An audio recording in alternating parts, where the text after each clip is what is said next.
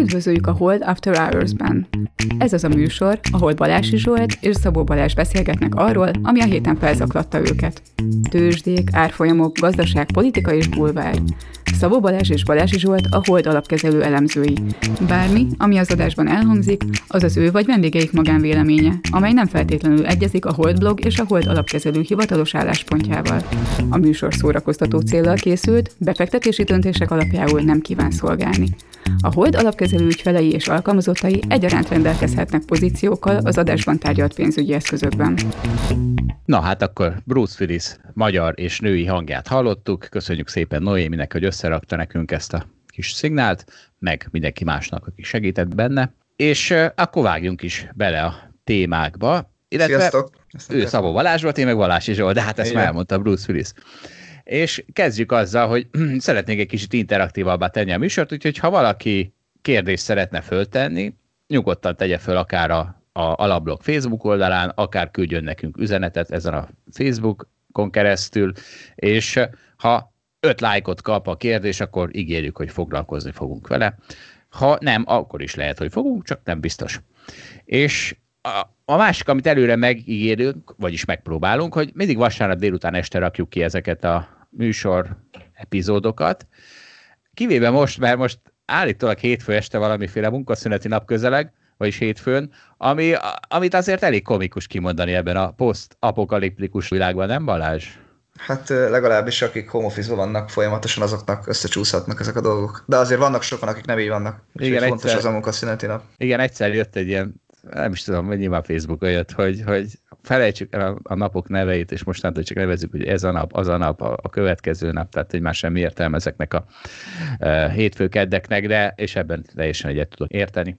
De akkor kezdjük el a témákat, és most egy kicsit sok lesz a vírus a műsorunk elején, a szokásosnál is több, és talán azért, mert én úgy látom, ezen a héten már ki tudtam nyitni úgy az index.hu címlapját, hogy nem volt rajta vírus. Egyáltalán. Tehát mintha tűnne el. És én ezt egy-két hónap korábban vártam már ezt a, azt a pillanatot, de végül csak eljött. Úgyhogy lehet, hogy ez az egyike az utolsó alkalmaknak, amikor erről beszélhetünk, hogy ezt megragadjuk. Ebben nem hiszek, szerintem még sok alkalom lesz rá. De úgy legyen. Ámen.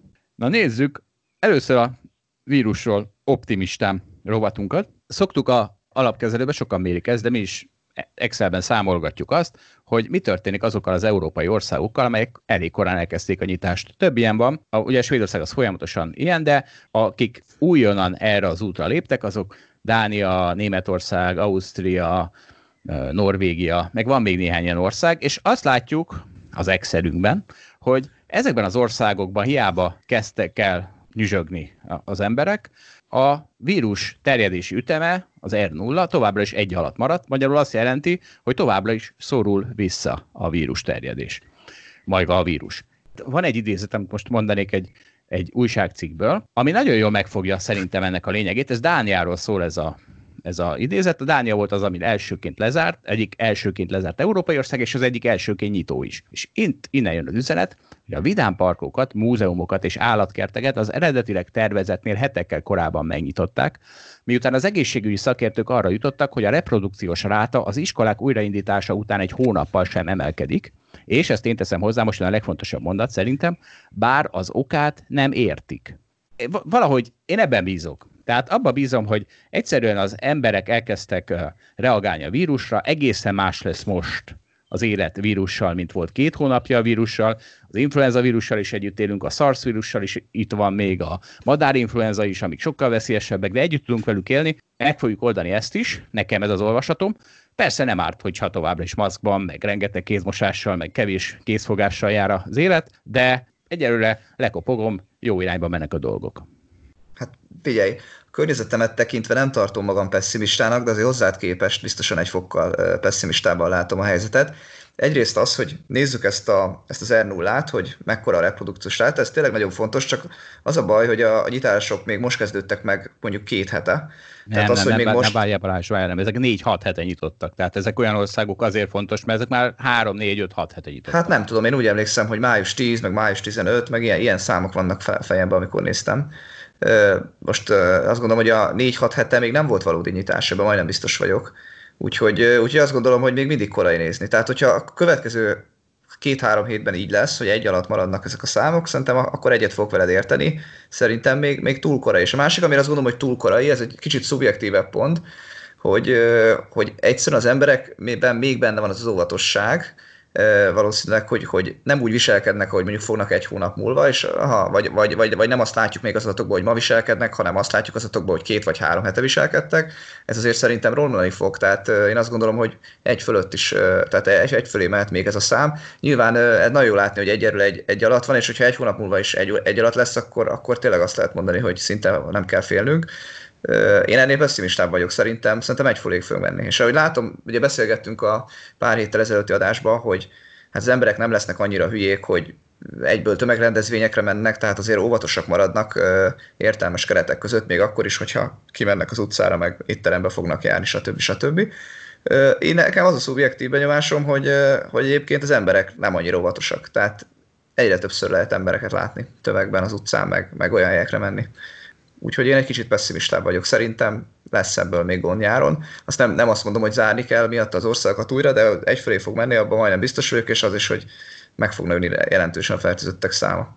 Jó, hát akkor legfeljebb majd újra beszélünk még. Akkor nem, akkor nem ez az utolsó adás, amiben a vírusról beszélünk. Egyébként van két grafikonunk, ami azt mutatja, hogy Németországban az autózás az már ott tart, mint a száz százalékán annak, ami a vírus előtt volt. Persze az autózáson mindig el kell mondani, hogy most mindenki autózni akar, hiszen fél a busztól. És a a teherautózás is, ami 15 százalék, igen, 15% kal esett vissza a januári szinthez képest, az most, az most már csak 7% kal van visszaesve. Tehát ezek ilyen biztató jelek, és ugye ez az autózás ez érdekes, mert ha Budapesten mindenki autózni akar, hát akkor Budapest meg fog halni, úgyhogy kedves hallgató, mindenki biciklizzen. A biciklizzen nem kapjuk el a koronavírust, nő a szívünk, nő a tüdőnk, és eljutunk A-ból B-be, mert mert lehet közlekedni. Hát valószínűleg az ingyenes parkolásnak a beszüntetése majd ezen fog segíteni, de az azt hiszem július 1-től van, tehát még egy hónapig lehet ingyenesen parkolni. És a biciklivel utána is ingyenes lesz a parkolás. A másik optimista numerikus üzenetünk, van egy nagyon jó ábra, ami azt mutatja, hogy ha valaki elkapja a vírust, akkor utána mekkora esélye van a halálra. És ez nagyjából pont egybeesik azzal, ami amit, az, amit egy évnyi élet jelent. Tehát ez mit jelent? Ez azt jelenti, hogy ha, ha az ábrát nézik, akkor azt látjuk, hogy mondjuk egy 80 éves ember a következő egy évben egy olyan közel 10% eséllyel halálozik el, és ez akkor is igaz, ha elkapja a vírus, csak akkor ugye ez két hétre zsúfolódik össze, de az ábra üzenete ak- akkor is az, hogy ha valaki ahogy a mindennapi életben nem retteg attól, hogy a következő egy évben meg fog halni, vagy szívroham, vagy azért, mert rákot kap, vagy azért, mert a fejére esik egy virágcseré, akkor annak attól sem kell félnie, hogy ha elkapta a vírust, akkor meghal, mert ennek pont ugyanakkor az esélye. Hát én ezzel nem teljesen értek egyet, vagy lehet, hogy az ábrát értem rosszul, de tehát mondjuk van egy 80 éves ember az ábra szerint, vagy legyen 85 éves, ő, az, ugye, ő 10% eséllyel körülbelül meghalhat abban az évben bármiben. Igen. De az az külön igaz, hogyha elkapja a vírust, akkor, akkor, akkor abban is meghal 10% eséllyel, az szerintem egy, egy plusz változóként jön mellé. Na de jó, azt most ne add össze, tehát csak azt mondom, hogy annyira kell félnie attól, hogy meghal a vírustól, mint amennyire attól félne vírus nélkül, hogy meghal a következő egy évben. Érted? Tehát nem, persze, ez most így összeadódik, hogy ne. Hát igen, az szerintem fontos probléma. De. Tehát, hogy növeli az esélyét jelentősen, majdnem a kétszeresére. Na jó, mindegy, értem, amit mondasz. Meg egyébként az is nagyon más az a percepció, hogy, hogy, hogy látod, hogy van egy konkrét problémád. Még lehet, hogy egyébként nem tudsz róla más esetben. Igen, főleg a percepcióval van itt a baj. Tehát ugye most itt nem a 80 évesekre koncentráljunk, hanem a 20-30-40 évesekre, akik félnek munkába menni, majd mindjárt beszélünk erről, pedig annyira kéne félniük a vírustól, mint egy évnyi élettől. És akkor azzal kezdtem, hogy ez volt az első olyan hét, hogy már ki tudtam úgy nyitni az indexet, hogy nincs rajta vírusos hír. Azonban az még ezen a héten is feltűnt, hogy a svéd modell, mondjuk úgy mószerolásra, mennyire megy a sajtóban. A világ és a magyar sajtóban egyaránt. Gyakorlatilag minden hír úgy csúsztat és úgy ad címet, hogy az a szegény svédeket rossz színben tüntesse fel, mint ugye ezt akkor szoktuk meg, amikor a legádázabb politikai ellenfelükről írnak ezek a sajtóorgánumok. Már láttam arra példát, hogy az egyik legnagyobb magyar híroldal elnézést kért a címadásuk miatt, mert nagyon távol állt az igazságtól, hát természetesen a svédek kárára. Hát nem tudom, Zsolt, én, én nem ezt látom bele, hogy, hogy kifejezetten a svédeket támadja a média, én inkább azt látom, hogy a média mindig keresi a, azt a szenzációt, amiről lehet írni. A svédek mindenképpen szenzációk, hiszen akár pozitív, akár negatív irányba. Egyébként ugye ismerek olyat, nem kell messze menni, aki éppen a svédekről ír pozitív konnotációban, az egyik ilyen te vagy. Úgyhogy én látok a másik oldalon is ilyet. A lényeg az, hogy ebből könnyű szenzációt csinálni, szerintem ezért írnak róla sokat, mert egyszerűen egy külön utat járnak egy egyedüli országként Európában. Jó, próbálod őket mosdatni, én megyek tovább az elméletemmel, mert itt van egy, tessék, itt van egy, egy, egy klasszikus példa rá, ami nem is a sajtó, hanem politika. Az, a, az volt a címe a cikknek, hogy aggódik Svédország, hogy nem engedik majd be sehova az állampolgáraikat. Na most erről szó sincs, hogy sehova, hanem az történt, hogy Cipruson sikerült egy olyan törvényt hozni, ami bár a finneket, a norvégokat beengedni az országba, de a svédeket nem. Persze Svédország tiltakozik is, és akkor én megpróbálom ezt a számok oldaláról megközelíteni, hogy ez mekkora hülyeség. Ugye arról már sokszor beszéltem, hogy az egyetlen értelmes határ, amit meg kötelező, meg, kötelező lenne meghúzni a vírus ellen, az a korhatár. És ezt egy, ezt egy kicsit kazincidiasnak érzem. Érted, ugye, hogy miért Értem, kapom? hát azért túlzás, túlzás, de értem, értem. És tegyük fel, hogy földrajzilag akarsz blokkolni, akkor is van egy értelmes blokk, a sűrűn lakott település és a nem sűrűn lakott település közt, azaz város a faluval szemben. Tehát ha Ciprus megtiltja a svédeknek a beutazást, de a saját fővárosát nem keríti el, meg a saját városait nem keríti el a falvaitól, akkor igazából nem a vírus terjedését szeretnék gátolni, hanem a svédekbe akarnak belerúgni. De lépjünk ezen is túl, menjünk tovább a számok tengelyén, mert ha ez a derék ciprusi politikus ez fogta volna magát, és azt mondta volna, hogy mivel Svédországban sok a fertőzött, ezért nem engedjük be őket, akkor bizony azt kellett volna csinálnia, hogy megnézzél azt a worldometers.info-t, amit mindenki néz a világon, és ha sorba rendezi az országokat, az látja, hogy a 16. Svédország, még Katar is előtte van numerikus alapon, de Olaszországban kétszer annyi, Spanyolországban kétszer annyi fertőzött van, Franciaországban háromszor annyi, az Egyesült Államokban pedig 40-szer annyi. Tehát ha ilyen alapon kereste volna, hogy kibe kell belerúgni, hát akkor bizony neki a félvilágot le kéne zárnia. És De nem egy főre jutóan érdemes ezt nézni, Zsolt? De igazad van. Tehát mondjuk azt, hogy ő okosabb volt ennél, és egy főre jutóan nézte. Akkor átrendezem a táblázatot, és kiderül, hogy így Svédország már csak a 24 és nem meglepő módon megerősítve az előző állításomat, hogy csak a falu-város közti határt érdemes meghúzni, az összes városállam van a legelől, hiszen az az ország, amelyik egy városból áll, San Marino, Katar, Vatikán, Andorra, Luxemburg, azok, hát hányszor, ötször, kétszer, rengetegszer sűrűbben birtokolnak vírusos meg, meg, megbetegedetteket. Tehát bármelyik mutatót használja ez a derék ciprus politikus, arra kellett volna jutni, hogy az egész világot kizárja Ciprusról, és aztán utánuk a svédeket is. Úgyhogy nyilván nem erről van szó, hanem én ezt kognitív diszonanciával magyarázom, majd egy kicsit később kitérek rá, hogy ez micsoda. Jó, hát így egyetértek vele, tehát persze, ha lehetne ellenőrizni, hogy ki melyik városból jött, akkor lehetne azt mondani, hogy a nagyvárosiakat tiltsuk ki általánosságba véve. Jó, lehet a szamarinőknek, lehet, hogy van útlevel, amit lehet ellenőrizni, így igazad van, azért a legtöbb országban nem tudja megmondani azt, hogy pontosan honnan jött, úgyhogy ezt a, ezzel az egyszerűsítéssel él, de hogyha a Svédország 24 akkor, akkor teljesen igazad van. Nagyon jó. És akkor most figyelj Balázs, mert most attól tartok, hogy egy stressztesz következik, ahol lehet, hogy elveszítjük a hallgatóink 90%-át, de figyelj, aki marad, az, az stabil törzs hallgató lesz. Jó, hát én csak arra figyelj, hogy ne legyen nagyon hosszú mondani való, és akkor lehet, hogy megmarad a többség. Jó, de még hosszú is.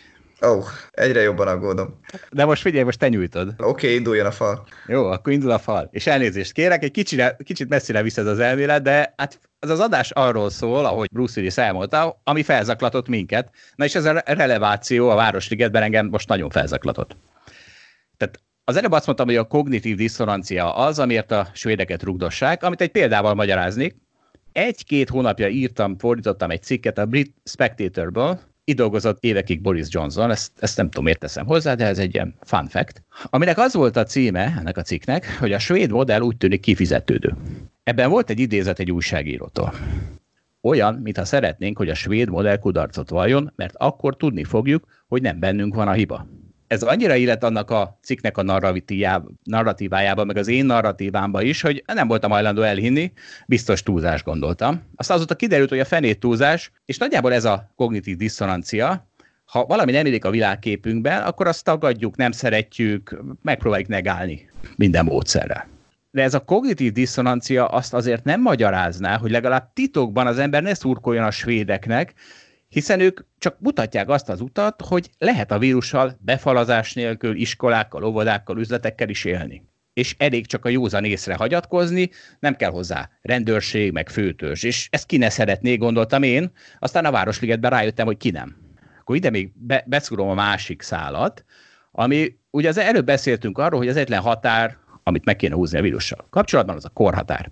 Mert akkor a 60 év fölötti nem találkozik a 60 év alattival, a 60 év alatti működteti a gazdaságot, a 60 év fölötti pedig biztonságban van otthon. De ahányszor ezt a kézenfekvő dolgot felvetem, mindig teljesen szerintem abszurd érvekkel vagyok letromfolva, hogy ezt nem lehet megvalósítani például. De hát tehát, amit két hónapja csinál a világ, azt sem lehet megvalósítani, és mégis meg lett valósítva. Szóval nem értettem, hogy miért nem az az idősek, vagy mondjuk ugye sebezhetők, mert ugye nem csak az idősekre veszélyes ez a vírus különösen, hanem különböző prekondíciókkal rendelkezőkre, mondjuk immunbetegekre. Tehát, hogy miért nem az idősek elkülönítését szajkózza mindenki, nem értettem, és a svéd utálatot se, és akkor összeklikked a kettő. És most jön a stressz-stressz részt, úgyhogy ehhez megint segítséget hívok.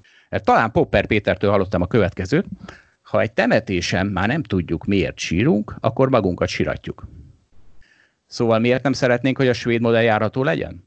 Mert irracionálisan félünk, rettegünk a vírustól. Nem a időseket féltjük, magunkat. Hozzáteszem, nagy részt az első két hónap médi kampányának köszönhetően. És mit üzen a svéd modell? Hogy nem kell más, mint meghúzni a korhatárt, és akkor a gazdaságot működtetjük. De ezek az emberek ezt nem szeretnék. Ők otthon akarnak maradni a biztos bunkerükben, és nem kimenni a vírusban. A svéd modell pedig ebbe az irányba mutat. Rést üt az atombunkeren, iskolába, gyerek, én meg irodába, hogy is ne. Még hogy nem veszélyes, hisz láttam a tévében a, ugye a, a holtesteket, akiket a jégpályára kellett már fektetni. Nem az időseket féltik, magukat. A temetésen is magunkat siratjuk. És számomra ez magyarázza a svéd modell rettegéssel teli gyűlöletét, és akkor még egyszer elnézést kérek, és visszatérhetünk a gazdasággal, vagy Balázs, valami hát, Van azért egy-két megjegyzésem ide, ha engeded. Hát egyrészt belőlem sokkal kevesebb érzelmet vált ki ez a témakör, hogy most éppen a svédekről ki mit gondol. Én ránézek a statisztikára, azt látom, hogy Svédországban meghalt, a, amit te hivatkoztál a worldometers.info-n, 4400 haltak meg, a szomszédos Finnországban 310, a szomszédos Norvégiában 236-an. Na most ebből az következik, hogy Svédország egy olyan modellt választottam, be többen halnak meg. Az, hogy ez egyébként kivált érzelmeket, az rendben van, de hogy mégis én, én nem, nem látom most azt, hogy, hogy, hogy különösebben gyűlölnék az emberek a svéd modellt, és a, ahogy mondtam az újságcikkekben is, ezt egy megosztó témának látom, van, aki szereti, van, aki gyűlöli, te éppen szereted, mások, mások lehet, hogy, hogy gyűlölik, de, de nem érzem akkor a túlzásnak egyébként a vírus szenzációs hajház cikkeinek összességében. A másik meg, amit mondasz, amire akarok reagálni, ez a időseket kellett volna csak elkülöníteni. Egyébként Svédország ugye azt valóban bevallotta, hogy az elején ezt nem csinálta jól, ezért is, lett, ezért is futott fel így a halálesetek száma. A másik meg az, hogy egyszerűen tényleg nehéz ö, családon belül azt megoldani, hogy az időseg, idősebbekkel szerintem ne találkozzanak fiatalok, és az se igaz egyébként, hogy, hogy ezt, viszont ezt ne szajkoznák mindenhol. Hát ha bekapcsolom a YouTube-ot, akkor Györfi Pál egyből, egyből az idősekhez szól, hogy maradjanak otthon. Tehát ezt szerintem mindenhol hol szajkozták, hogy az időseket külön kell kezelni, és, és ők maradjanak otthon, ők rájuk kell a leginkább vigyázni. A Popper Péterhez nem akarok hozzászólni szerintem túl fiatal vagy, és naív ahhoz, hogy elhitt, hogy mindenki maga miatt aggódik. Sőt, inkább azt láttam, hogy a svéd modell véd, véd, védelmezői az igazán érzelmesek. Rögtön itt van egy példának te. Lehet. Én már elmondtam a, a mondani valómat, de akkor rád, rád cáfolok, és jodai bölcsességgel és sigatsággal lépek túl ezen az otromba insinuálásodon, és mehetünk a következő témára. Rendben. Amire mondanám, hogy gazdaság, de hát ez is gazdaság volt, és pláne tőzsde, mert ugye mi mozgatja a tőzsdéket? A mohóság és a félelem. Greed and fear. Még az emelkedésre is, kedves hallgatók, előkerült újra az a szó, hogy FOMO. A FOMO az annak a rövidítés, hogy Fear of Missing Out, vagy a, attól tartok, hogy kimaradok, attól félek, hogy kimaradok. Ezt akkor alkalmaztuk sokat, amikor emelkedtek a részvények, mint a bolond, és ha valakinek nem volt részvénye, az megőrült attól, hogy, a, hogy az ő portfóliójának az értéke nem nő. Most ez újra van. Annyira van, persze megfelelő részvényekbe kellett ülni, mert mondjuk itt van például egy, egy, egy csártunk, ez nagyon érdekes csárt. A Zoom, ami ugye egy, hát tudjuk mi a Zoom, most már mindenki tudja, szerintem az is, aki életében az elmúlt két hónapban kapcsolt be először számítógépet. Tehát a Zoom értéke jelenleg nagyobb, mint az összes nagy amerikai légitársaság értéke együtt. Na most miközben a Zoom az ugye nem, az nem olyan, mint a Facebook, hogy van egy óriási hálózati hatása, az tényleg csak egy olyan technológia, amit azért elég könnyű lekoppintani, és talán a Facebook le is akarja koppintani. Úgyhogy fear of missing out van. Nem, Balázs? Igen, mi is éppen a egyik őskövület Skype-nak a szolgáltatását használjuk, a Zoom helyett pedig felvetnénk akár Zoomon is ezt az adást, úgyhogy igen, ott én sem értem ezt a, ezt a nagy lelkesedést. Persze az világos, hogy most sokkal többen elkezdték használni, az, hogy megismerik, az növeli az értékét. Most nem tudom, de biztos ez is ér valami 10-20 valahány milliárdot. Most nem néztem rá az utóbbi időben. Mennyi az értéke az Zoomnak? Azt hiszem 47 milliárd dollár, ugye a 10-20 de el, elbújhatsz. Igen, most megnéztem, és 51 milliárd dollárt ér. Hát egy kicsit alul, alul, alul lőttem. Ezeket a technológiai részvényekkel így, így szokás. Ja, igen, meglepődik az ember. Kevés profitra, vagy negatív profitokra simán egy izé, harmad magyar GDP-t azért ér az Zoom is. Főleg te szoktál ezen meglepődni, mint egy igazi boomer, ugye? Mert sokat volt szó arról, hogy ezek a részvények, ezek a fiatalabbak kedvencei, a fiatalabbak meg már nem tartanak a világtól, úgyhogy boldogan veszik a részvényeket. És sőt, arról is volt szó, hogy most ez viszont megváltozhat, mert hogyha az idősebbek is elkezdenek már nem tartani a vírustól, meg a gazdaságtól, akkor ők is bátrabban veszik, és akkor hirtelen visszarendeződhet majd ez a folyamatos ilyen technológiai avokádó részvény felül teljesítés a value részvényekkel szemben, és valami ilyesmit láttunk az elmúlt héten. Balázs, azt kell, hogy mondjam, megelőzlek, még az Európai Bankindexed is emelkedett, vagy legalábbis megpróbált. Igen, igen, azért, ha messziről nézzük, egy kis kunkorodás van ott a végén a nagy zuhanás után, hogy fölfele kunkorodás, azért ezt még nem hívnám nagy emelkedésnek, de valóban most tényleg azok a szektorok, amik egyébként a leginkább érintettek a válságban, azok, azok nagyot emelkedtek. Például a légitársaság, például a bankindexek, autógyártók, stb. stb. Igen. Ugye a héten ott volt az a hír is például, hogy a Lufthansa-t kimenti a német állam, 9 milliárd euróval segíti. Volt egy kis problémázás, amíg ezt elfogadták, mert hogy a, az Európai Uniónak a szabályozása azt mondta, hogy ez piasztorzító lehet annak függvényében, hogy egyébként ők ugye nagyon nagy piaci rende, erővel rendelkeznek a, elsősorban a Müncheni meg a frankfurti repülőtereken, és hogy vissza kell adniuk néhány slotot, meg nem repülhetnek ott annyi repülőgéppel. Mindegy, ezt végül is letárgyalták, tehát megszületett a döntés, úgyhogy, úgyhogy csak azt akarom mondani, hogy ez a 9 milliárd euró, ez azért, azért az elég durva, tehát ez mondjuk a magyar GDP mondjuk valamivel több mint 150 milliárd euró, vagy, vagy most, most már lehet, hogy kevesebb is, hogy gyengült ugye a forint, akkor, akkor azt lehet mondani, hogy ez, ez mondjuk egy 5-10 százaléka a magyar GDP-nek, amit most úgy megkapott a Lufthansa. Mondanám, hogy ajándékba azért persze nem teljesen, hiszen a német állam az, az így tulajdonos lett a Lufthansa-ban, 20%-os tulajdonos.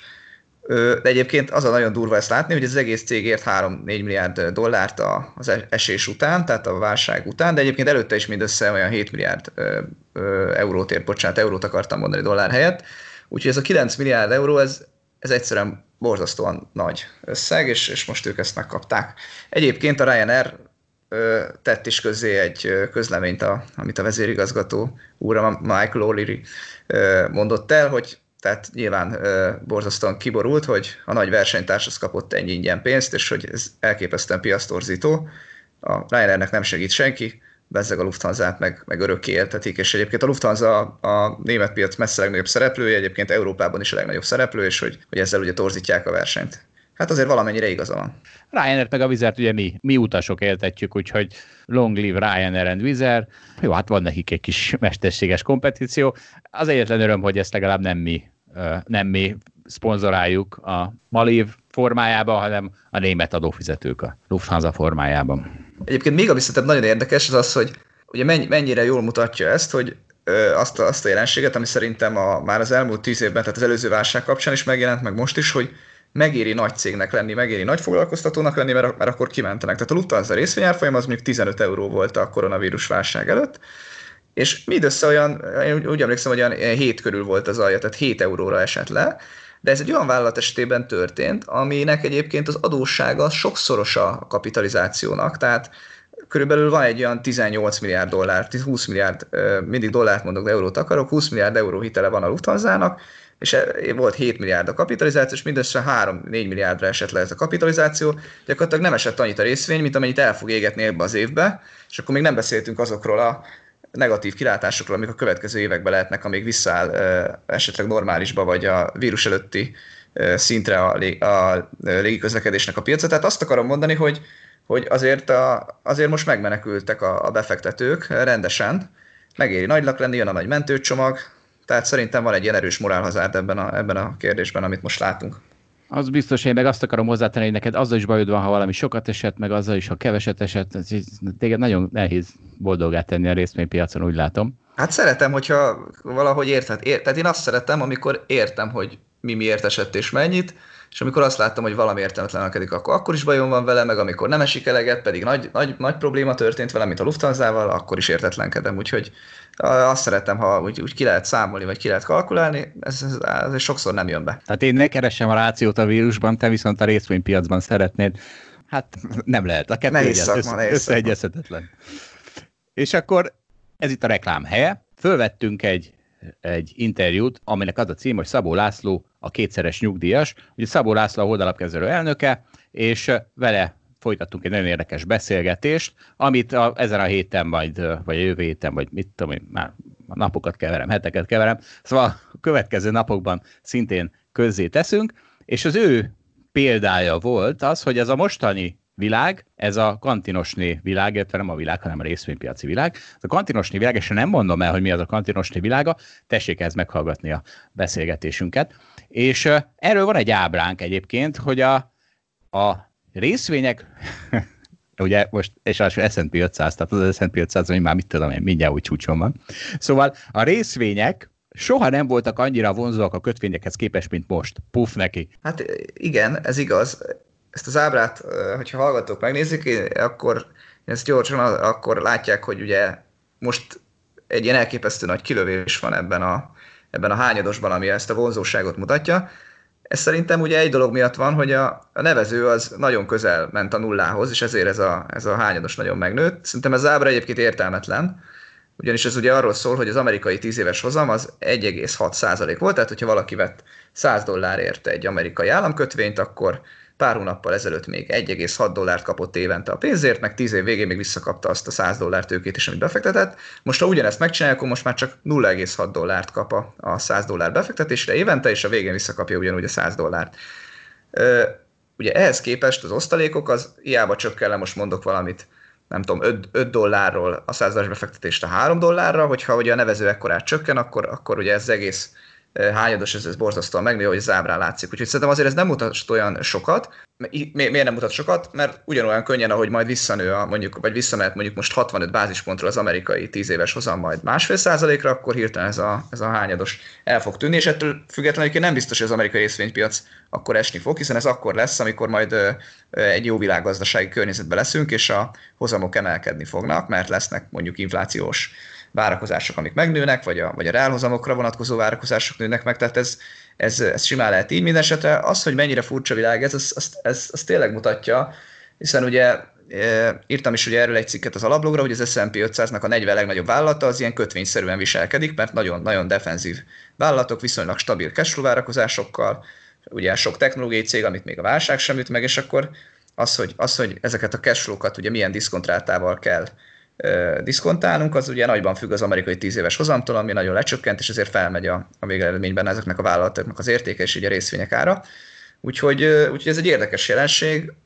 Azt látni kell, hogy, hogy ez a nevező nagyon közel van a nullához, és ez, ezért, ez, ezért lett ez egy ilyen nagyon furcsa világ, hogy a, hogy, hogy lehet ez. És, és azért azt látjuk, hogy az elmúlt 40 évben azért ez másképp volt. Jó, én föntartom, hogy neked továbbra is semmi sem jó. Lássuk, hogy mi van a konténerhajók piacán, Balázs. Hát ugye a konténerhajók piacán az látszik, hogy ott, ott viszont szembe jön a valóság szemben az amerikai részvénypiacsal. most a legt, ugye most kijött pénteken egy ilyen Európai Unió által kiadott szám, hogy, tehát, hogy legalább 10%-ot fog csökkenni az, az európai export aránya, és egyébként az elemzőházak is általában azt mondják, hogy a, a világkereskedelem az legalább 10%-kal fog csökkenni ebben az évben. Van, aki drasztikusabb és 20-25%-os esést vár. Tehát például ezek a, e, hogyha csak ezt nézzük, hogy a világkereskedelem mennyire esik vissza, akkor, akkor az, az, az egy sokkal brutálisabb számot mutat, mint amit az amerikai részvények mondjuk tükröznének. Persze a kettő nem is ugyanazt kell, hogy tükrözze, ez, ez fontos. Egyébként pont beszéltem tegnap a konténerhajós cégnek a vezérigazgatójával, hogy ő mit lát, és ő azt látja, hogy ő egyébként a régiós piacokon mozog a, a kisebb konténerhajóival, alapvetően Kelet-Ázsiában, Európában, meg, meg az amerikai, tehát a karibi térségben, és a leginkább a karibi térségre panaszkodik, azt mondja, hogy Dél-Amerikából nem szállítanak semmit az Egyesült Államokba, állnak a hajók.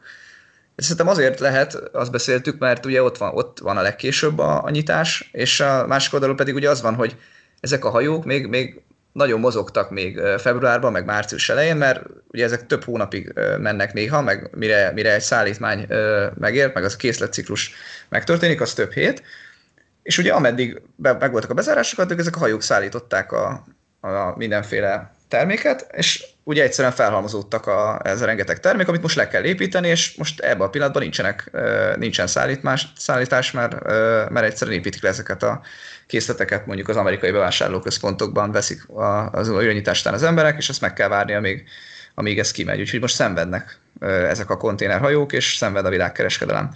Ők most érzik azt, nekem olyan érzésem van, hogy ott most érzik azt a rágazdaságban, amit mondjuk a tőzsdén márciusban lehetett érezni, hogy, hogy óriási pánik van. Csak egyszerűen a tőzsde az mondjuk egy két hónappal megelőzi ezt. Ú, Balázs, szóljál, hogyha hiszt indikátor van, akkor venni kell. Hát de látod, a részvények már alapvetően mennek fölfele, és egyébként most már a, az ilyen nagyon utált szektorok sem a mélypontokon vannak, de, de még lehet, hogy ott lesznek, meglátjuk.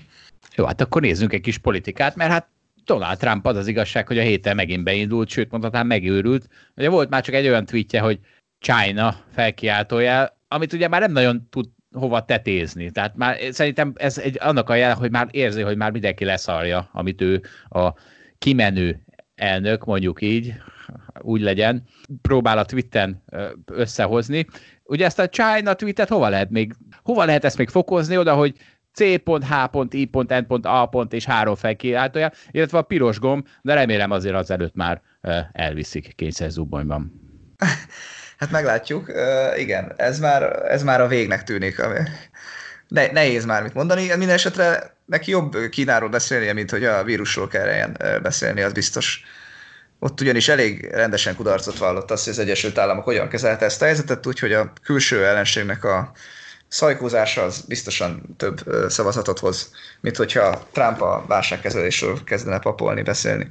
Igen, van is egy ábránk, hogy a ilyen, ilyen alacsony bizalom még soha nem volt az amerikai kormány iránt, mint most, és de hát nem csak Kínával van neki baj, hanem a Twitterre is. Ugye a Twitter fog, fogta magát, és akkor a hülyeségeket Twitter Trump, hogy rárakott egy fact check linket. Ugye ezt azokra szokták rárakni, azokra a twittekre, amiket nem akarnak teljesen levenni, de oda rakják, hogy hát azért ez így nem teljesen igaz, és nem árt, hogyha az, aki ezt olvassa, az megnézi azt az oldalt is, ami ugye egy kicsit megmutatja a valós oldalát a dolgoknak. És hát Trumpnak ettől habzott a szája, és kitalálta, hogy akkor ő, ő, neki megy a Twitternek, meg valószínűleg a Facebooknak is, igen, Twitternek, Facebooknak, Viszont egy kicsit megnyugtató az, hogy a bíróságon megy nekik, és megpróbálja szigorítani, vagy jobban számon kérni ezeken a vállalatokon azt a, azt a előírást, vagy ezt a törvényt, hogy, hogy mennyire felelősek azokért a tartalmakért, amik megjelennek a oldalaikon. Na de hát itt épp, épp Donald Trump ugye az a tartalom, aki nem jelenhet meg a Twitteren. Na jó, de mondjuk Zsolt másik oldalról érvelve, az amerikai elnök nem mondhatja el komment nélkül azt, amit szeretne? Ez rendben van itt szerinted? Azt, az most szerintem az teljesen mindegy, hogy amerikai elnök vagy sem. Tehát azt hagyjuk, hogy az amerikai elnök vagy sem. Hát most azt mondta, mondjuk, például mondok egy példát, ugye most a Minneapolis tüntetések kapcsán azt mondta, hogy, hogy aki fosztogatni fog, hogyha ez így marad, akkor nem tudom, lövöl, lövöldözés lesz. És a, ugye a Twitter oda kommentelte, hogy Hát itt ez, hogy mondjam, erőszakra buzdító üzenet. Nem letörölték, azt hiszem, hanem mondták, hogy ha ide kattint, akkor egy erőszakra buzdító üzenetet láthat, hogy valami, valami ilyesmi tett mellé. Azért nem furcsa, hogy az amerikai elnök nem mondhatja el tisztán kommentek nélkül. De hát ragasz, ragaszkodsz ez az amerikai elnökhöz. Tehát a Twitter ezek szerint bárkinek a tweetjére ezt rárakta volna, hogyha ezt, ezt kirakja. Én nem akarok abba belemenni, hogy most ott kinek van igaza, kinek nem. Ez egy borzasztó kényes kérdés. Tehát ugye alapvetően az a legkényesebb kérdés, hogy, hogy ha elvileg nem cenzúrázunk újságokat, akkor most hogy lehet az, hogy a, egy Twitter vagy egy Facebook, mint magánkezdeményezés cenzúrázza a saját felületei megjelölő híreket. Ez borzasztó messzire vezet, terülön belemehetünk, de... Eh, Na hát egy, egy gondolatot hogy tegyek hozzá, nem menjünk nagyon messzire, és igazad van. Ugye én most az amerikai elnököt azért teszem oda, mert ez, ez egy politikai kérdés is, nem csak egy szabályozói kérdés, vagy, vagy nem csak a, egy ilyen véle, nem csak egy olyan kérdés, amivel emberek vitatkozni fognak, hogy a, most a média hogy van szabályozva, hanem, hanem ez itt kőkemény politikai kérdés lesz a következő fél évben ez, e, ugye az elnökválasztás kapcsán. És egyébként szerintem annyi a, az, az a nagyon érdekes, hogy ugye ezek a Szóval szerintem az a nagyon nehéz kérdés itt, hogy ezek a közösségi médiák ugye természetes monopóliumok. monopóliumok. A természetes monopólium ugye olyan, mint a vasút, ahol világos, hogy csak egy sínre van szükség, nem érdemes ö, több sínt üzemeltetni egymás mellett, tehát hogyha ö, tehát mindenképpen egy cégnek kell ezt csinálni. És itt a közösségi médiákban is azért, még ha több is van, azt lehet mondani, hogy ezek kicsit monopóliumként működnek, és ezeket egyébként sokszor természetesen szabályozni kell, egyrészt az, hogy ne árazhassanak túl magasan, azt kihasználva, vagy monopóliumok, vagy ne csinálhassanak olyan szabályozást, amit, ami egyébként, ami egyébként nem a köznek az érdeke, hiszen monopóliumként ugye nincs meg a versenynek a lehetősége. Úgyhogy az, hogy, az, hogy szabályozzák ezeket a közösségi médiákat, az valahol természetes.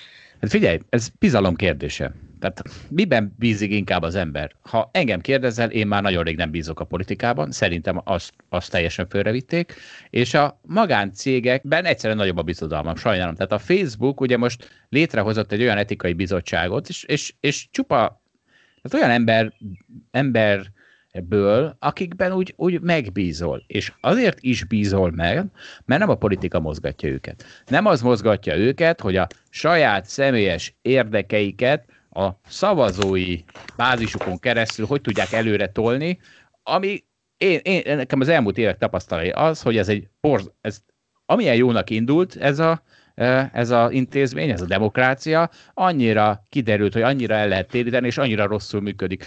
Ez abban manifestálódik, hogy amikor egy politikus kirak valami baromságot, és arra a Twitter csak odaírja azt, hogy ha valaki a teljes igazságra kíváncsi, akkor nézze meg ezt is, vagy egy kicsit minősíti azt, hogy akkor ne, nem, nekem ezzel nincsen bajom, sajnálom. Ezzel nincs, csak ugye teoretikusan az is lehet, hogy kialakul egy, egy cég, ami ilyen természetes monopólium lesz, majd azt mondja, hogy hát akkor az összes jobboldali politikusnak, összes republikánus politikusnak akkor nem tudom, megcímkézem az állításait. És, Jó, ez... és akkor mivel kihasználja ezt a monopól erejét egy ilyen helyzetben, az mondjuk tragikus lenne. Ez nem vagyunk közel, ezt nem tartom lehetségesnek, de teoretikusan megtörténhetne.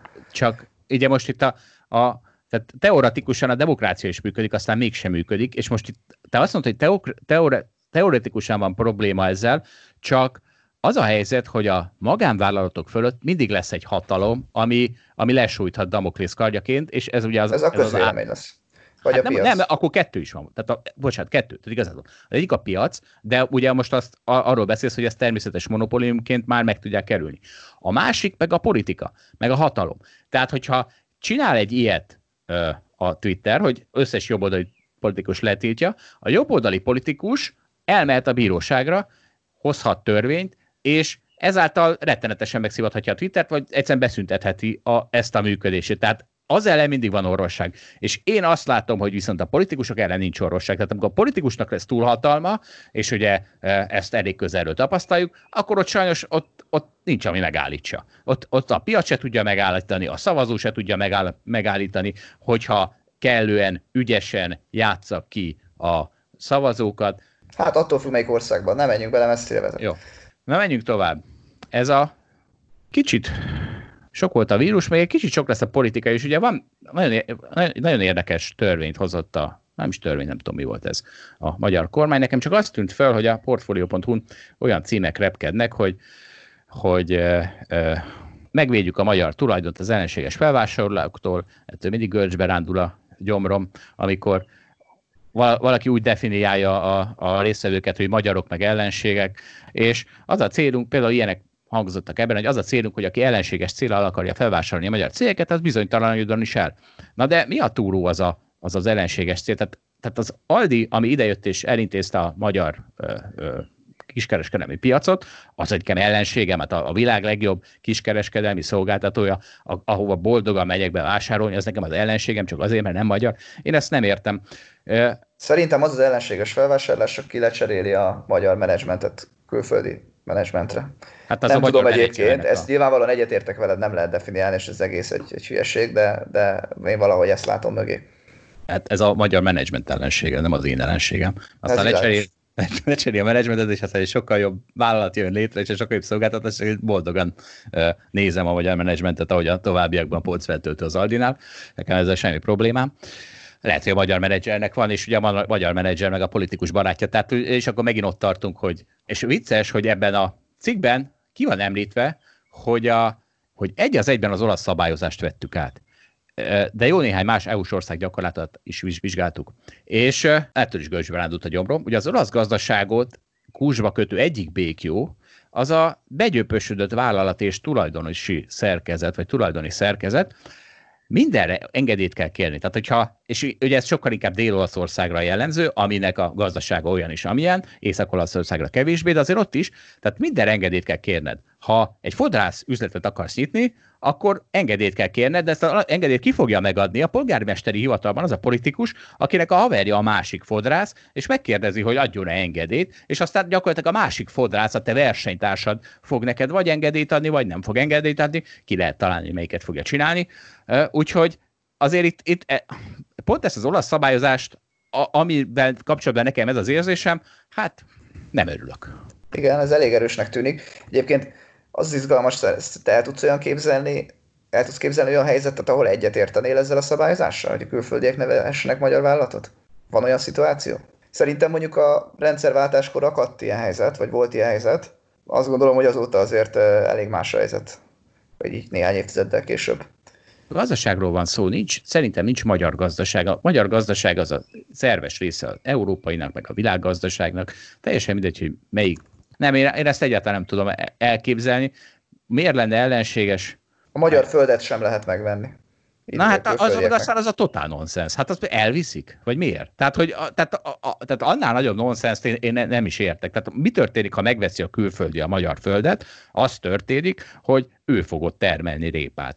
Valószínűleg sokkal hatékonyabban, mint a magyar azért tudta drágában megvenni. Ennyi történt, mint az Aldi, meg a Lidl. Csak a rendszerváltáskor lehet, hogy árszínvonalban mondjuk százszoros különbség volt a osztrák földek és a magyar földek között, és egy osztrák, az, egy vagyonos osztrák, az könnyedén felvásárolhatott óriási területeket magyar földekből. Most, most úgy csinálsz, mintha az a magyar ember, aki eladta a földjét X-ért, az olyan rosszul járt volna. Hát nem járt az rosszul, azért adta el, nem? Tehát rendben, hogy egy kis esze van, akkor vár egy kicsit, és akkor 5x-ér adja el, 10x-ér vagy 100x-ér. Na de hát ez olyan, mint a részvénypiacon, hogy hát most megveszel valakitől olcsón valamit, utána őt sajnálod. Akitől Szerintem meg... a történelemben lehetnek olyan tömeges kényszerhelyzetek, például, hogyha eladtuk volna, magyarok eladták volna a földjeik nagy részét azokban a nehéz években, amikor a rendszerváltás történt, az azt gondolom, hogy egy, egy nagy probléma lett volna a magyar gazdaságnak, vagy a, nem is a magyar gazdaságnak, a magyar embereknek inkább így mondom. Úgyhogy, úgyhogy én, egy, én el tudok képzelni a helyzetet, amikor ez racionális. Ezek szerintem nagyon ritka helyzetek. Le, mondom, a rendszerváltás az lehetett egy ilyen, az nyilvánvalóan egy nagyon durva helyzet volt. Én most ezt teljesen irálisnak gondolom, hogy most, most, most ezt a szabályozást be kéne vezetni, amit, amit történt. Egyébként nem is értem, tehát hogy a, az Európai Unió alapelvei között ugye ott van a szabad tőke áramlása, én nem tudom, hogy ez hogy nem sérti azt. Nem tudjuk, hogy nem sérti, majd még kiderül. Egyébként most, most nem azért Balázs, tehát mennyivel jobb annak a magyar embernek, aki, ahogy látom, egy magyar oligarchának adja el végül azt a földet, mert valahogy úgy alakulnak ezek a földszerkezetek, hogy egyre nagyobb jut, egyre kevesebb magyar ember birtokába. Tehát, hogyha te vagy az, aki eladtad a földet, nem tök mindegy, hogy most ez egy magyar oligarcha, vagy egy francia oligarcha. Tehát mitől, tehát most úgy csinálsz, mintha a magyar embereket, szegény kis birtokosokat kéne sajnálni, akiknek kicsavarták a kezükből a földet, Na de hát most nem mindegy, hogy, hogy A oligarcha. Szerintem nem történt ilyen, meg ebben is igazad van, hogy mindegy neki, hogy egy franciának adta, vagy egy magyarnak, most a, mondjuk a mai világban. Én csak azt mondom, hogy, hogy ilyen nagyon extrém esetekben lehet ilyet csinálni. Én, én a rendszerváltást egy ilyennek írtam le. Abba igazad. Tövegesen ne adják el kényszerből a földjéket, mondjuk az emberek. Most mondtam egy példát. Tehát veled alapvetően egyetértek abban, hogy amit most látunk, az nekem is elég nagy nonsensnek tűnik. Meg, ezzel a, meg azzal is, hogy ellenséges felvásárlás. Ugye ezt mind tudjuk, hogy ezt nehéz pontosan definiálni, hogy ez mit jelent, meg kinek lesz ebből problémája. Azzal, hogy azt sugaljuk, hogy ellenséges felvásárlás, ezzel nyilván azt mondjuk, hogy itt valami, valami rossz dolog fog történni valakivel, ami egyszerűen nem igaz. Ez egy politikai lőzünk, mint amikor a ciprusi politikus kitalálja, hogy a svéd ne jöhessen hozzá. De, de ugye van egy nagyon jó példám erre, az Ikarus az Ikarus azt egy, kicsit közelről követtem a, a sorsát, és az történt, hogy amikor az 90-es években ezt is privatizálni akart az állami vagyonkezelő, nagy hív, óriási baklövést követett el, és megkérdezte a szakszervezeteket, meg a dolgozókat, hogy, meg a közvéleményt, vagyis hát hallgatott rájuk, és azt a választ kapta, amikor a Mercedes meg akarta vásárolni, hogy magyar gyártó maradjon magyar kézben, nem kell Mercedes, nem kell Volvo. Az történt, hogy a Mercedes ekkor elment egy törökországi buszgyártót megvásárolni. Kicsit később ez újra játszódott ez a jelenet, 97-ben azt hiszem talán, akkor a Volvo akarta megvenni az Ikaruszt, ugyanezt történt, ők elmentek, megvásároltak egy lengyel buszgyártót. Most az a helyzet, hogy Ikarus az nincs. Tehát Ikarus az csődbe ment, négy-öt évente van egy ilyen fölröppenő hír, hogy na most aztán föltámasztják, de aztán kiderül, hogy mindig van valami kormányzati ígéret, ettől is rettegek, hogy, hogy majd akkor leszáll egy megrendelés, de szerencsére az Ikarus az maradott a por és hamu állapotába továbbra is, Me, és helyette a magyar közlekedési vállalatok azokból a le, többek közt, azokból a lengyel és török gyárakból rendelik a buszokat, amiket az Ikarus helyett megvásárolt a Volvo meg a Mercedes. Tehát, hogy Óriási tökörrugás volt ez, öntökörrugás ez a magyarnak magyart, még, mint látod a rendszerváltáskor is, amikor ugye olcsón kellett eladni, de hát most akkor lenne egy ikaruszunk, de azért gondoljunk bele, hogy ki az, ki az, aki úgy gondolja, mondjuk, hogy a Malév megszűnés az kárt okozott Magyarországnak? Hát okozott a fenét, lehet, hogy a Malév akkori vezérigazgatójának kárt okozott, mert nem tudott ugyanolyan jó állásba elmenni, meg lehet, hogy néhány magyar politikusnak megszüntetett egy kiváló korrupciós forrást, de ezen kívül ez mindenkinek jó. Tehát az összes Malév dolgozó azóta dolgozik a Vizernél, meg, a, meg mit tudom én, meg elment az Audi-ba dolgozni, és ugyanezt történt az Ikarus alkalmazottakkal. Tehát az, hogy az Ikarus megszűnt, az egy, az a magyar gazdaságnak, a magyar embereknek, az egy, aztán nincs probléma. Ez semmi probléma nincs. Ahogy hát, a figyelj, meg... Igen, hogy tiszt, csak hogy tisztázzuk a helyzetet, ugye nekem magában az egy jó dolog, hogyha, vagy, vagy én azt szeretem, hogyha azt látom, hogy van egy sikeres magyar cég, magyar tulajdonban, és profitot termel, és, és a tulajdonos családoknak, a tulajdonos családok ebből jól tudnak élni. Ugye te most itt olyan példákat hoztál fel, amik ugye veszteségesek, mint az Ikarus meg a Malév, az nyilvánvalóan más tészta. Ugye még visszatérve az előző kérdésre, hogy mikor baj az, hogy ellenséges felvásárlás olcsó megveszi a, nem tudom, a magyar, magyar tulajdonú céget, ugye az az lehet, amikor van egy egyébként sikeres cég, és az valamiért hirtelen nehéz helyzetben eladásra kerül, és, és akkor nem a magyarok fognak profitálni ebből a cégből a jövőben, hanem valaki külföldi.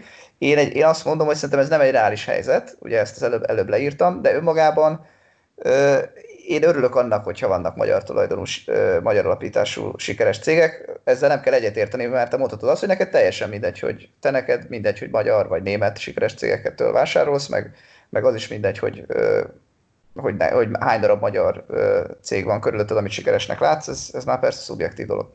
Figyelj, önmagában, tehát Ceteris Paribus felőlem legyen magyar az a cég, tehát sőt, még kimondom a kedvedél, jobb, ha magyar az a cég, csak az a baj, hogy amikor ilyen, ilyen célok érdekében hatalmat adunk a kormánynak, vagy a politikának, akkor az is félre lesz kezelve, és valószínűleg félre lesz használva, úgyhogy ezért óckodom attól, hogy azért, hogy hát, ha kijön belőle valami minimális plusz, azért azért... Persze, hát ezzel teljesen egyetértek. Tehát, ugye itt szerintem tipikusan az a helyzet áll elő, hogy magyar mindenkori magyar kormány, magyar állam az hosszú távon tud segíteni versenyképes magyar vállalatoknak azzal, hogy jó oktatást csinál egy országban, meg jó egészségügyet, meg olyan környezetet teremt, ami kiszámítható, stb. stb.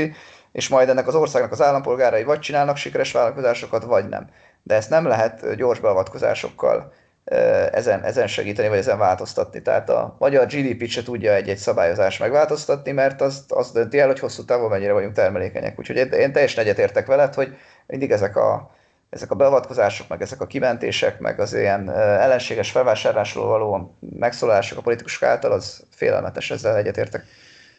Na, hát akkor beszéltük róla, hogy Trumpnak szar hete lehetett, de a rakétakészítőknek is, mert az történt, hogy a hét elején Sir Richard Branson Virgin projektjének egy rakétája hullott darabokra, és aztán a hét második felében pedig a SpaceX Starship. Egy rakétája hull, esett szintén szét, és ezt csak azért, azért raktam ide, mert nem érdekelnek a rakéták, elnézést mindenkitől, de ebben az az öröm, hogy amikor ezt olvasom, akkor pontosan tudom, hogy itt ezek a cégek, ezek magánpénzt használnak, a saját pénzüket égetik, vélhetően valami társadalmi jó cél érdekében, hiszen a piac erre kényszeríti, tehát hogy valami olyasmit akarnak előállítani, amit aztán emberek boldogan megfizetnek, és ezért a saját pénzüket égetik, aminek az a következménye, hogy megpróbálják a lehető leghatékonyabban csinálni ezeket a dolgokat. Tehát ott, ott senki nem lop, vagy senki nem lophat, hiszen Sir Richard Branson nem fog magától lopni. Ezzel szemben, hogyha ezt állami cégek csinálják ezeket a próbálkozásokat, akkor minden a, az inverze, akkor az történik, hogy nem a, a saját pénzéből, hanem más pénzéből, és nem az a cél, hogy eredményt érjen el, hanem az, hogy ő, annak a projektnek a szervezője, a politikus, meg az állami vállalat vezetője minél jobban járjon személy szerint. Lehet, azért azt ne felejtsd el, hogy itt a rakétáknál azért a megrendelések nagy részét viszont az állam adja ez lehetőséget ad a korrupcióra, de egyébként én sem gondolom, hogy ez a két példa ezt, ezt a veszélyt hordozná. Hát csak az a lényeg, hogy ha eddig voltak a gyomort görcsbe szorító hírek, most volt egy felszabadító hír. És ha már korrupciómentes magángazdaság, akkor a következő hírt azt ki akartam kerülni, mert a belpolitikát kerülném, de, de, de nem sikerült. Ugyanis az történt, hogy egy a Dining Guide-ban megjelent egy interjú, ami egy várbeli étterem tulajdonossal készült, és ez az étterem tulajdonos, ez most, amikor Budapesten a menő budai luxus vendéglő, top 10-es luxus bistró, a ultraminőségi sushi, japán étterem, mindenki házhoz szállításra váltott, azt tudta nyilatkozni, hogy egy menő étteremnek, vagyis egy, egy, egy mi ez, hogy mondta, hogy használta, hogy egy, hogy egy magasan pozícionált étterem nem szállíthat házhoz, többek között azért, mert mondjuk a, az atmoszférát, meg a terítés, meg a nem tudom, mit azt nem tudja házhoz szállítani. Ebből az szűrhető le, hogy miközben aki meg akar élni a saját pénzéből, az megtesz mindent, hogy alkalmazkodjon a vírus utáni helyzethez, akit viszont az állam tart el, kvázi, implicite vagy explicite, az, annak nincsenek ilyen problémái, hogy mi történik az üzletmenettel. És, de, és amiért ezt, ezt egyáltalán beraktam ezt a hírt, az azért, mert szembe jött egy Wall Street Journal cikk, hogy a New Yorki Peter Luger Steakhouse, ami 133 éve nem szállít házhoz, és nem fogad el kártyás fizetést, elkezdett házhoz szállítani, és elfogad kártyás fizetést. Tehát úgy tűnik, hogy ez a steakház, ami azt hiszem New Yorknak a legnevesebb steakháza, ez, ez nem elég jó minőségű, hiszen ők is házhoz szállításra vetemettek. Itt, amit mondani akartál, az, hogy az volt a nyilatkozat, hogy egy valódi értelemben vett értelem számára káros házhozszállítás, egyébként egyetértek vele. És akkor ezután a nem, nem, politizál, nem politizálás, politizálás után térjünk rá egy számunkra ö, közeli piacra. Van egy olyan ETF, amiben e-sport, tehát ugye ezek azok a, az e-sportok azok, amiket a, a internetes játékokban verseny. Tehát az e-sport szervező cégek ETF-e áttörte a 100 millió eurós határt, és, és ezzel összefüggésben, hogy lássuk, hogy mi az, amitől fölfut, vagy hát részben ez nyilván, mi az, amitől fölfutnak ezeknek a cégeknek az árbevételei, valamelyik sejk minden évben elver 10-20 millió forintnyi dollárt olyan, olyan célok érdekében, hogy az ő karakterén, aki rohangál a játékban, más ruha legyen, meg nem tudom, kicsit szebb fegyvere legyen. Tehát nem, csak nem is jobb, mert ha jobb, akkor még én is megértem. Tehát ha nagyobbat üt az a buzogány, ak- akkor jó, hogy fizet érte. Na de az, hogy egy kicsit másképp nézen ki, hát ez nagyon kemény. Hát igen, a koronavírus kapcsán most van egy nagy hype ezekben, meg egyébként a játékkészítőkben is, hogyha ugye például a lengyel CD projektet nézzük, akkor ő már Európa legértékesebb játékgyártója. Úgyhogy látni példát most ezekből bőven. Az a legértékesebb lengyel cég, nem? A legértékesebb lengyel cég, igen, és a legértékesebb ilyen szám, vagy hát nem számítom, ez PlayStation játékot gyárt, egy legértékesebb PlayStation játékgyártó, igen. Hát, uraim és hölgyeim, jön a vírus utáni gazdaság, és kiderül, hogy a buborékokról, hogy nem is buborékok. Ma majd meglátjuk. és akkor itt egy, még egy nem buborék vagy buborék, egész uh, furcsa hír jött velünk szembe, ugyanis a Pete's Café, aminek a teljes neve az, hogy JDE Pete's, részvény bocsájtott ki Európában, az Amsterdam tőzsdén, és begyűjtött 2,3 milliárd eurót. Ez egy kávégyártó, vagy kávéforgalmazó, nem is tudom, megpróbáltam utána járni, mert ez a JDE, az a Jacobs Dau Egberts monogram, Viszont én 2000-ben a Kraft Jacobs Fisárnál kezdtem el dolgozni, és utána néztem, és a Kraft Foods még mindig birtokolja a Jacobs kávét, meg ebben is van egy Jacobs kávé, elkezdtem ezt a rejtét felgöngyölíteni, de olyan szövevényes hálóba akadtam, hogy gyorsan abbajtam az oknyomozó újságírást, elnézést kérek, mielőtt betiltják az adásunkat. És akkor Balázs, téged, mint az avokádó képviselőjétől kérdezem. Ez egy olyan kávé, hát még én is dolgoztam náluk, a marketing osztálya, tehát ez olyan kávé, ami nem az a mostanában divatos 95 egység víz, 4 egység cukor és 1 egység tartalom, wifi-vel és avokádóval tálalva, 4000 forintért. Ennek ellenére hallottál már ezekről a kávékról? Hát én sajnos nem, mert egyáltalán nem iszom kávét, úgyhogy ez nem az én témám. Milyen avokádó vagy te? Hát ebben a témában nem egy igazi avokádó. Na és akkor ezen a, ezen a, ebben az adásban még nem volt kriptodeviza, de most akkor itt az ideje egyrészt az alablogon is megjelent egy, egy cikk, amit Szabó Dávid írt, és ugye összeköti a, a, a végtelen pénznyomtatást, meg a, azt, hogy a bitcoin ezen a héten feleződött le a hash rétje, amit nem fog elmagyarázni, hogy micsoda. A lényege az, hogy a, hogy a bitcoin bányászok folyamatosan bányászák a bitcoint, és mostantól kezdve csak fel olyan ütemben tudnak kibányászni bitcoinokat. Magyarul az a pénz mennyiség növekedése, ami a dollárban, euróban, stb. az gyakorlatilag folyamatosan multiplikálódik, az a bitcoinban még tovább csökkent. De nem ez az apropónk, hanem megszólalt bitcoin témában a Goldman Sachs, és ugye korábban szó volt arról, hogy a Morgan Stanley, hogy a, hogy a Morgan Stanley az teljesen elment kriptodeviza irányba, mi korábban gyűrölték a kriptodevizát, most hirtelen magukhoz ölelték. Na most a Goldman Sachs az nem, az tőlük kijött egy elemzés, amiben benne van az összes ilyen abszolút 20. századi ellenérve a kriptodevizák ellen, nem például, hogy nem, nem generálnak cash flow-t, mint ahogy a kötvények, nincs bennünk earnings, nagy a volatilitás, stb. Tehát felsoroltak egy csomó olyan érvet, amit igazából a dollárra is el lehet mondani, az euróra is el lehet mondani, az aranyra is el lehet mondani, de a Goldman Sachs az lesz, még nem, nem érkezett meg a 21. században. Tehát szerintem a bitcoin tényleg lehet az aranyhoz hasonlítani abban az értelemben, hogy az arany is nagyon drága ahhoz képest, hogy mennyire használjuk, bár abból legalább lehet ékszert készíteni a bitcoinból, még az sem és az ékszer az szép, tehát van használati értéke az aranynak, de az aranynak sem ez adja az értékének a nagy részét, hanem tényleg a ritkasága.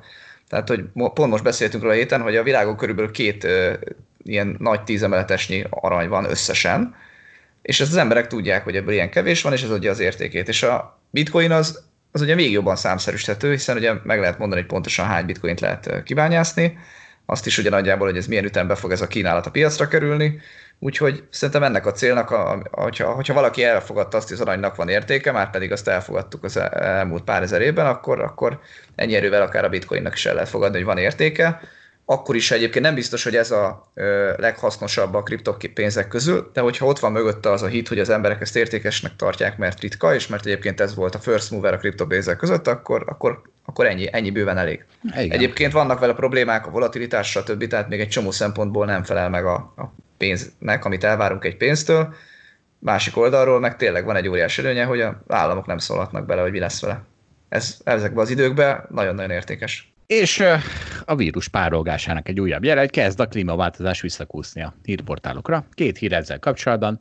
Soha nem volt ilyen meleg tavasz Belgiumban, ami csak akkor érdekes, ha az ember Belgiumban él, és karantén alatt. Tehát szegény belgák nyilván szeretnének kimenni a szabadba, csak vacak az idő minden tavasszal. Eljött a legjobb tavaszuk, és most meg hát ki tudnak menni, de Hát nyilván korlátozásokkal.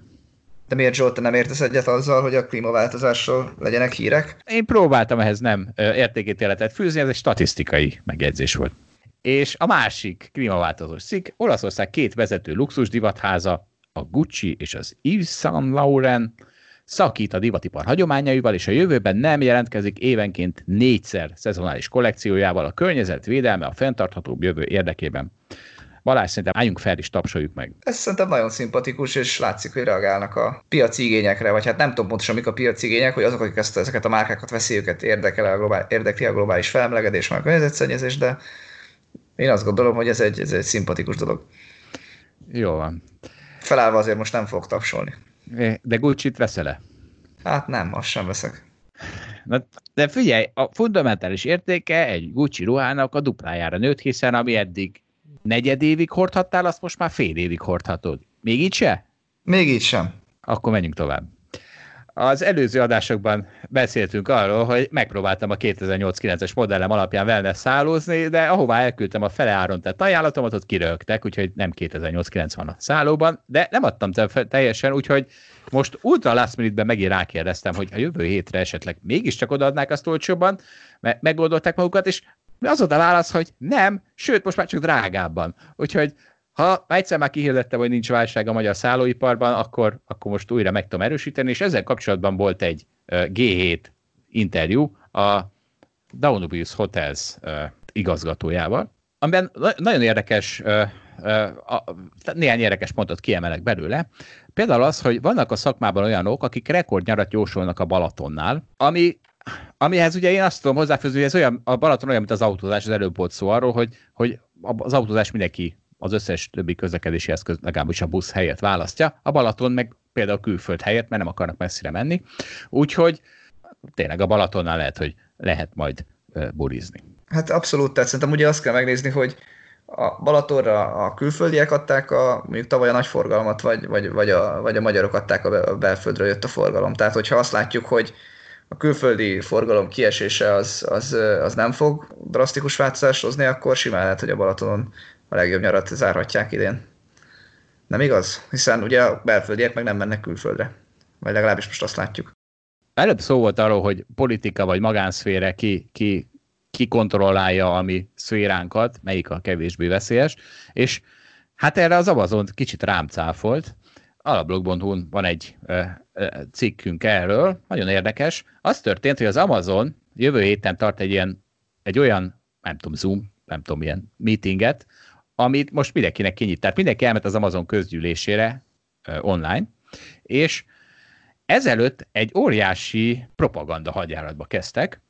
Azt akarták, hogy egy csomó tévéadó leadja hírként azt, hogy az Amazon miket tett a az elmúlt években. És akkor, és akkor ezek, a, ezek a termelési jelentés típusú boldog ö, üzenetek voltak benne, amit, amit ugye a politikától már megszoktunk. És ebben ugye csupa ilyen az Amazon szempontjából ö, ember, az ember szeretetre utaló ö, megmozdulások voltak kiemelve, például, hogy megemelték a minimálbért, meg ö, hogy vigyáznak a alkalmazottaik egészségére, stb. De és ezt elküldték a különböző tévéadóknak, és a legtöbb tévéadó azt visszautasította, hogy ők nem fognak propagandát folytatni, ha csak akkor se, ha az Amazon fizet érte, viszont vagy 10-11 TV station az kirakta.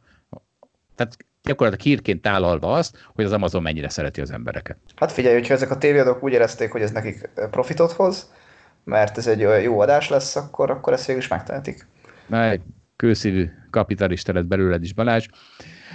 Térjünk át itt a, végén egy kis foci, ugye rég, rég volt futball, mindenhol nyitnak a bajnokságok, vagy nyílnak a bajnokságok, úgyhogy a németek elmulasztották azt a lehetőséget, hogy a, a Spanyolországban, Angliában, Olaszországban mulatkozó sztárokat átrendeljék a Bundesligába, vagy kölcsönve vegyék, és kénytelen vagyok német bajnokikat nézni, nagyon nem nézem őket, de feltűnő, hogy és akkor itt egy újabb javaslatom számukra, mert feltűnő, hogy hogy hát ugye nyilván üresek a stadionok, és ez borzalmas atmoszférát kölcsönöz a mérkőzésnek. Na de hát miért nem adják be a előző stadionok hangját? Tehát ugye vannak azért nekik olyan meccseik, ahol hát egy német stadion az tere szokott lenni, és akkor annak a hangulatát miért nem keverik be, Hát az béna. Meg...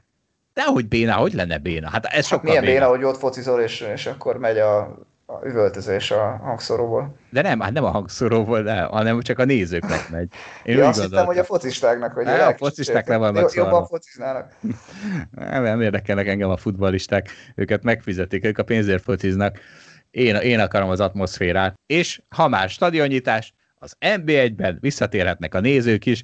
Mondjuk azt nem tudom, hogy észre fogják-e venni a különbséget a futballisták, de, mindegy. És akkor búcsúzóul a piac megoldja rovatunkból, a, a világ ezt is vakmajom találta, óriási, és, és ráadásul pont az Aldi, amit véletlenül, de már korábban is felhoztam, mint pozitív példa, a világ top 10 problémájából egyre megszületett a megoldás, az Aldi üvegablakos pirító sütőt dobott piacra. Tehát nem az van, hogy fogalmat sincs, hogy hol a pirítósod, hanem látod az üvegen keresztül, hogy mennyire pirult meg, megnyomod a gombot és kiugrik. Kár, hogy az én top 10 problémámban ez nem volt benne. Pedig most hogy örülhetnék ne, nem nagyon örülhetné, mert azonnal lecsaptak rá fogyasztók, és kifogyott a készlet, úgyhogy uh, akkor még bosszankodhatnál is. Na hát köszönjük szépen a figyelmet, jövő héten újra jelentkezünk, a viszont hallásra. Viszont hallásra, sziasztok!